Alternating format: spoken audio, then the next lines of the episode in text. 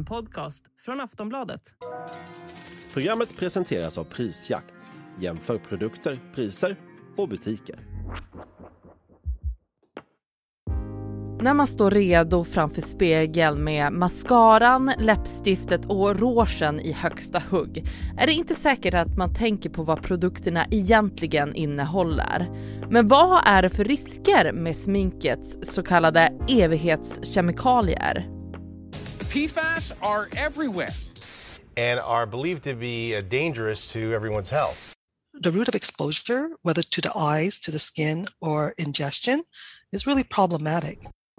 PFAS står för per och polyfluorerade alkylsubstanser och är samlingsnamnet på flera tusentals olika kemikalier som är syntetiskt framställda.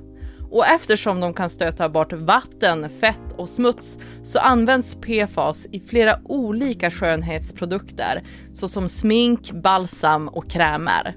Men också till regnrockar, stekpannor och snabbmatsförpackningar. Ja, kemikalierna finns i princip överallt i vårt samhälle. Och det följer med ett pris. Forskning visar att PFAS framfart påverkar både miljön och människors hälsa. Det kan orsaka cancer, försämra immunförsvaret och öka kolesterolvärden. Det var i början av 2000-talet som ämnenas negativa effekter uppmärksammades och under veckan har de också varit på tapeten här i Sverige. Högsta domstolen kom med ett besked efter att PFAS-drabbade i Kallinge drivit en lång rättsprocess mot kommunen. Den som har förgiftats av PFAS-förorenat dricksvatten i Kallinge kan få skadestånd. HD slår på tisdagen fast att det är en personskada att ha mycket höga halter av PFAS-ämnen i kroppen. Och trots kontroverserna så finns fortfarande produkter med PFAS på sminkhyllorna. Så vad innebär det här? Varför finns PFAS-kemikalierna fortfarande kvar inom den här industrin? Och vad är det viktigt att tänka på framöver när man ska shoppa smink?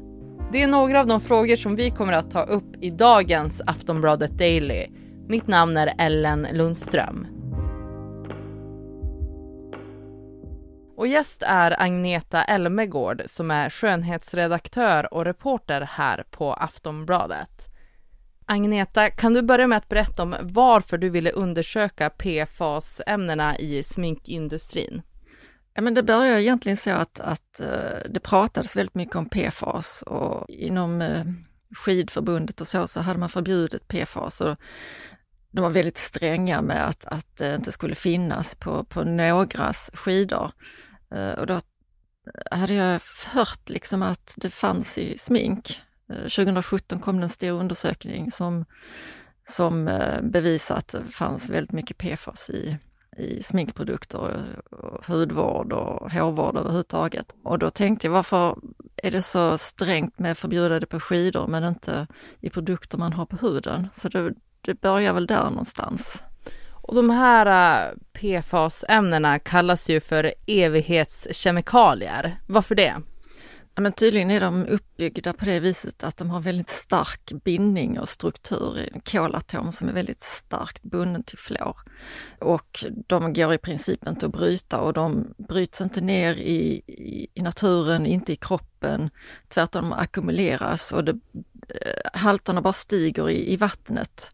Och det, det, kommer ju någonstans ifrån och då är bland annat eh, sminkindustrin en, en bidragande faktor. De är inte värst men, men de forskarna beräknar att det kommer ut ungefär 38 000 ton årligen i, inom EU på grund av PFAS i just sminkprodukter. Vilka produkter är det som har mest PFAS i sig? Alltså enligt en, en undersökning i USA som gjordes 2021 så hittade man störst förekomst i, i foundations, eh, i primer och sånt som ska sitta länge på huden.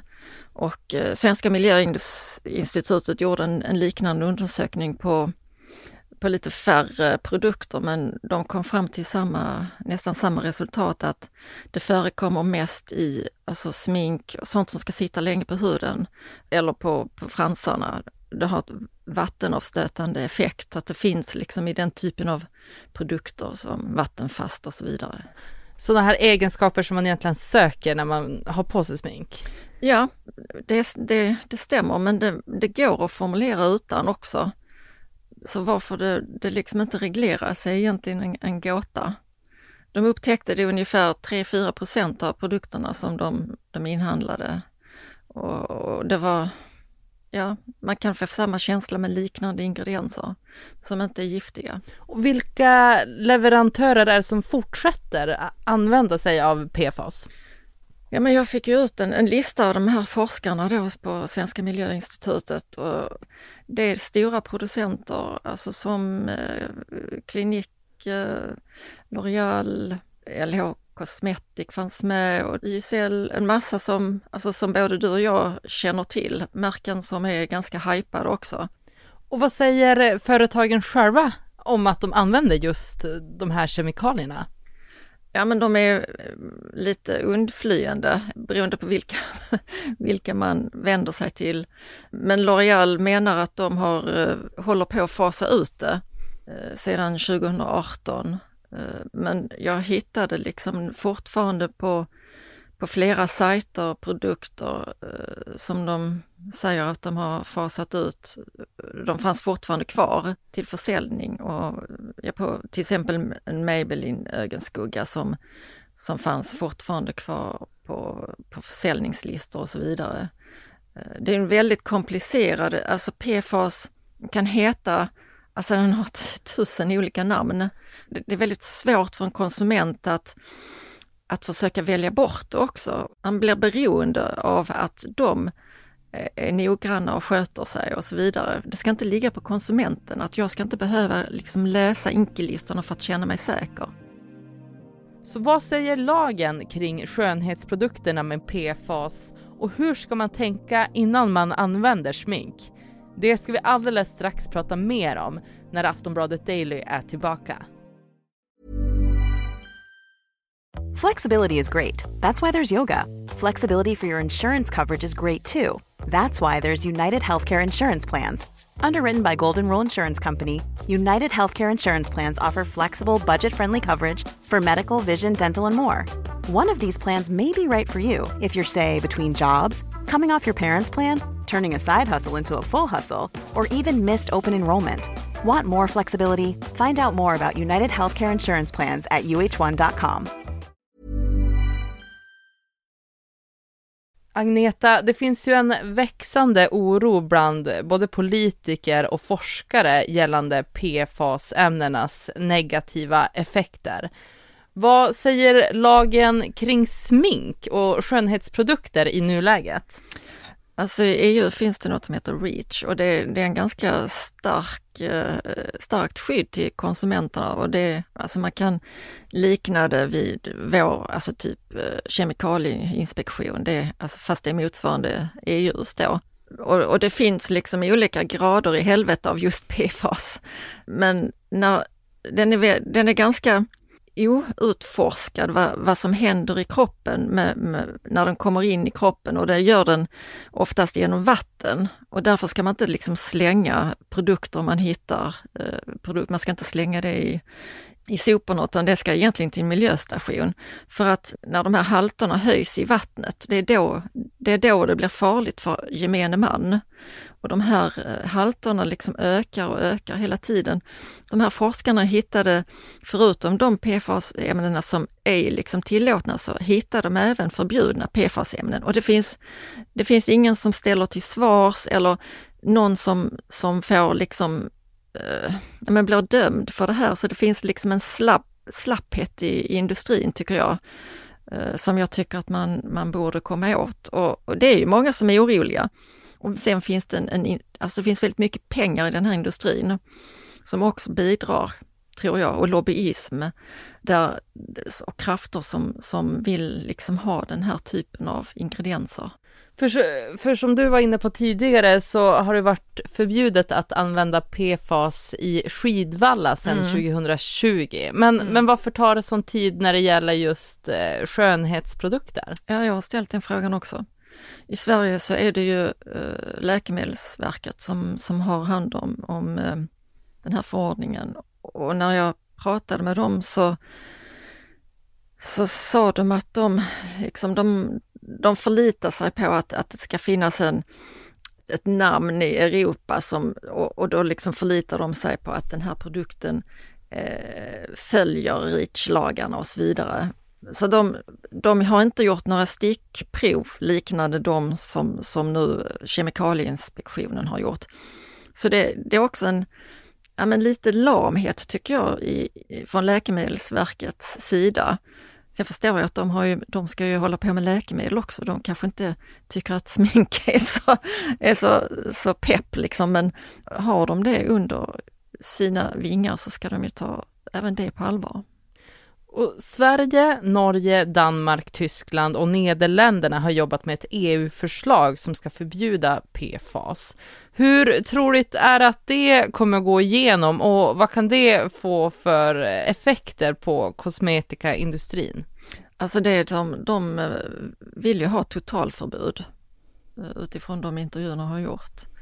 För att så länge man inte har ett förbud mot någonting, alltså som i skidvallan, så kommer ju industrin att fortsätta att använda den här typen av, av PFAS-ämnen. Och eh, ja, de, de vill ha bort det. Kemikalieinspektionen vill ha ett totalförbud för att få ner, trycka ner halterna i vattnet. Liksom. Jag tror att om, på frågan om vad det kan ha för effekter så är det ju ett, ett, ett totalförbud är mycket, mycket starkare än, än begränsningar så det är väl det de försöker lägga fram nu till, till, till Reach och till, till EU-kommissionen att det här är så pass, det blir ju ett folkhälsoproblem när det finns så mycket ute i naturen som inte bryts ner. Till slut så har ju alla det i blodet och då blir det ju liksom en, det blir inte bara ditt och mitt problem som vi som sminkar oss utan det blir liksom ett folkhälsoproblem på sikt. Och jag tänker att man kanske inte tänker på det när man står framför spegeln och sminkar av sig, att, att det är som liksom det som går ner sen i vattnet och, och sådär. De for, den, den rapporten jag läste från USA, de vill också införa ett liknande förbud. Eh, forskarna för, förespråkar det och, och de, de skrev i sin rapport att mascara och sånt som man an, använder nära ögonen, alltså så att det kan komma in i kroppen. Och likadant läppstift och så. Där borde det ju vara absolut förbjudet. Liksom. Men det är ju inte det. Men jag ska säga också att varenda en jag har intervjuat, alltså som Kemikalieinspektionen och Läkemedelsverket, de säger att alltså man, du dör ju inte imorgon. Det är inte så där toxiskt giftigt liksom som, som, som man tror, utan det är ju den här långsamt stigande i vattnet. Det, det, har varit uppe nu med Kallinge, de fick i sig det via vatten eh, av, av sån här brandskum. Så att det, det finns ju i, i spolglans, det finns i en massa olika eh, produkter. Textilindustrin är ju den mest eh, värsta då som, som släpper ut mest. Vad är de värsta påföljderna av just PFAS rent fysiskt? Eftersom den är så eh, stabil i sin struktur så när de kommer in i kroppen så reagerar den med kroppens proteiner på något vis och, och den, ja, men den fastnar i kroppen och den kan eh, påverka kolesterolvärdet, den, den kan påverka sköldkörteln, man kan få fertilitetsproblem, tumörer, det finns en, en rad olika biverkningar med att få i sig den här eh, strukturen. Och det, jag hittade en forskning som var gjord eh, 2017 i Korea eh, där de hade ett, sett ett starkt samband med makeup-användning eh, och PFAS-ökning i, i blodet som gick över i modersmjölken. Så att det, alltså forskarna har gjort sitt jobb. Nu, nu måste liksom, det måste bort från marknaden. När kan ett sånt här förbud införas tror du?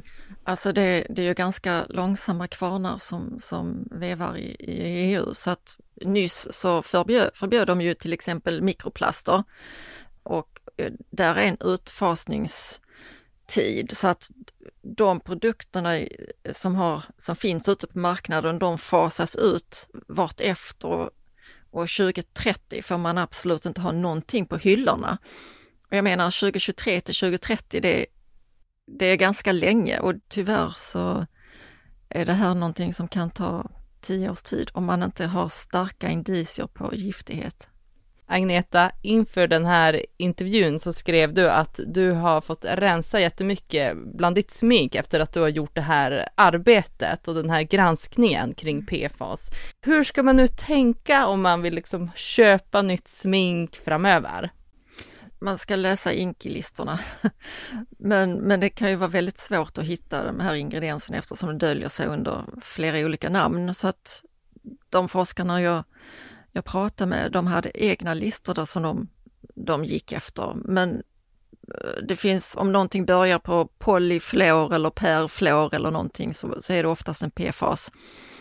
Eh, och sen ska man inte köpa från obskyra sajter eller sajter i Asien, USA, där det är en väldigt oreglerad marknad. Alltså i Europa har vi ju ändå ganska starka lagar mot toxicitet och, och, och giftigheter i produkter. Eh, men, men att man ser till att man, man handlar från seriösa aktörer. Tack så jättemycket Agneta. Tack. Det säger Agneta Elmegård, Aftonbladets skönhetsredaktör och reporter. Jag heter Ellen Lundström och du har lyssnat på Aftonbladet Daily. Vi hörs snart igen.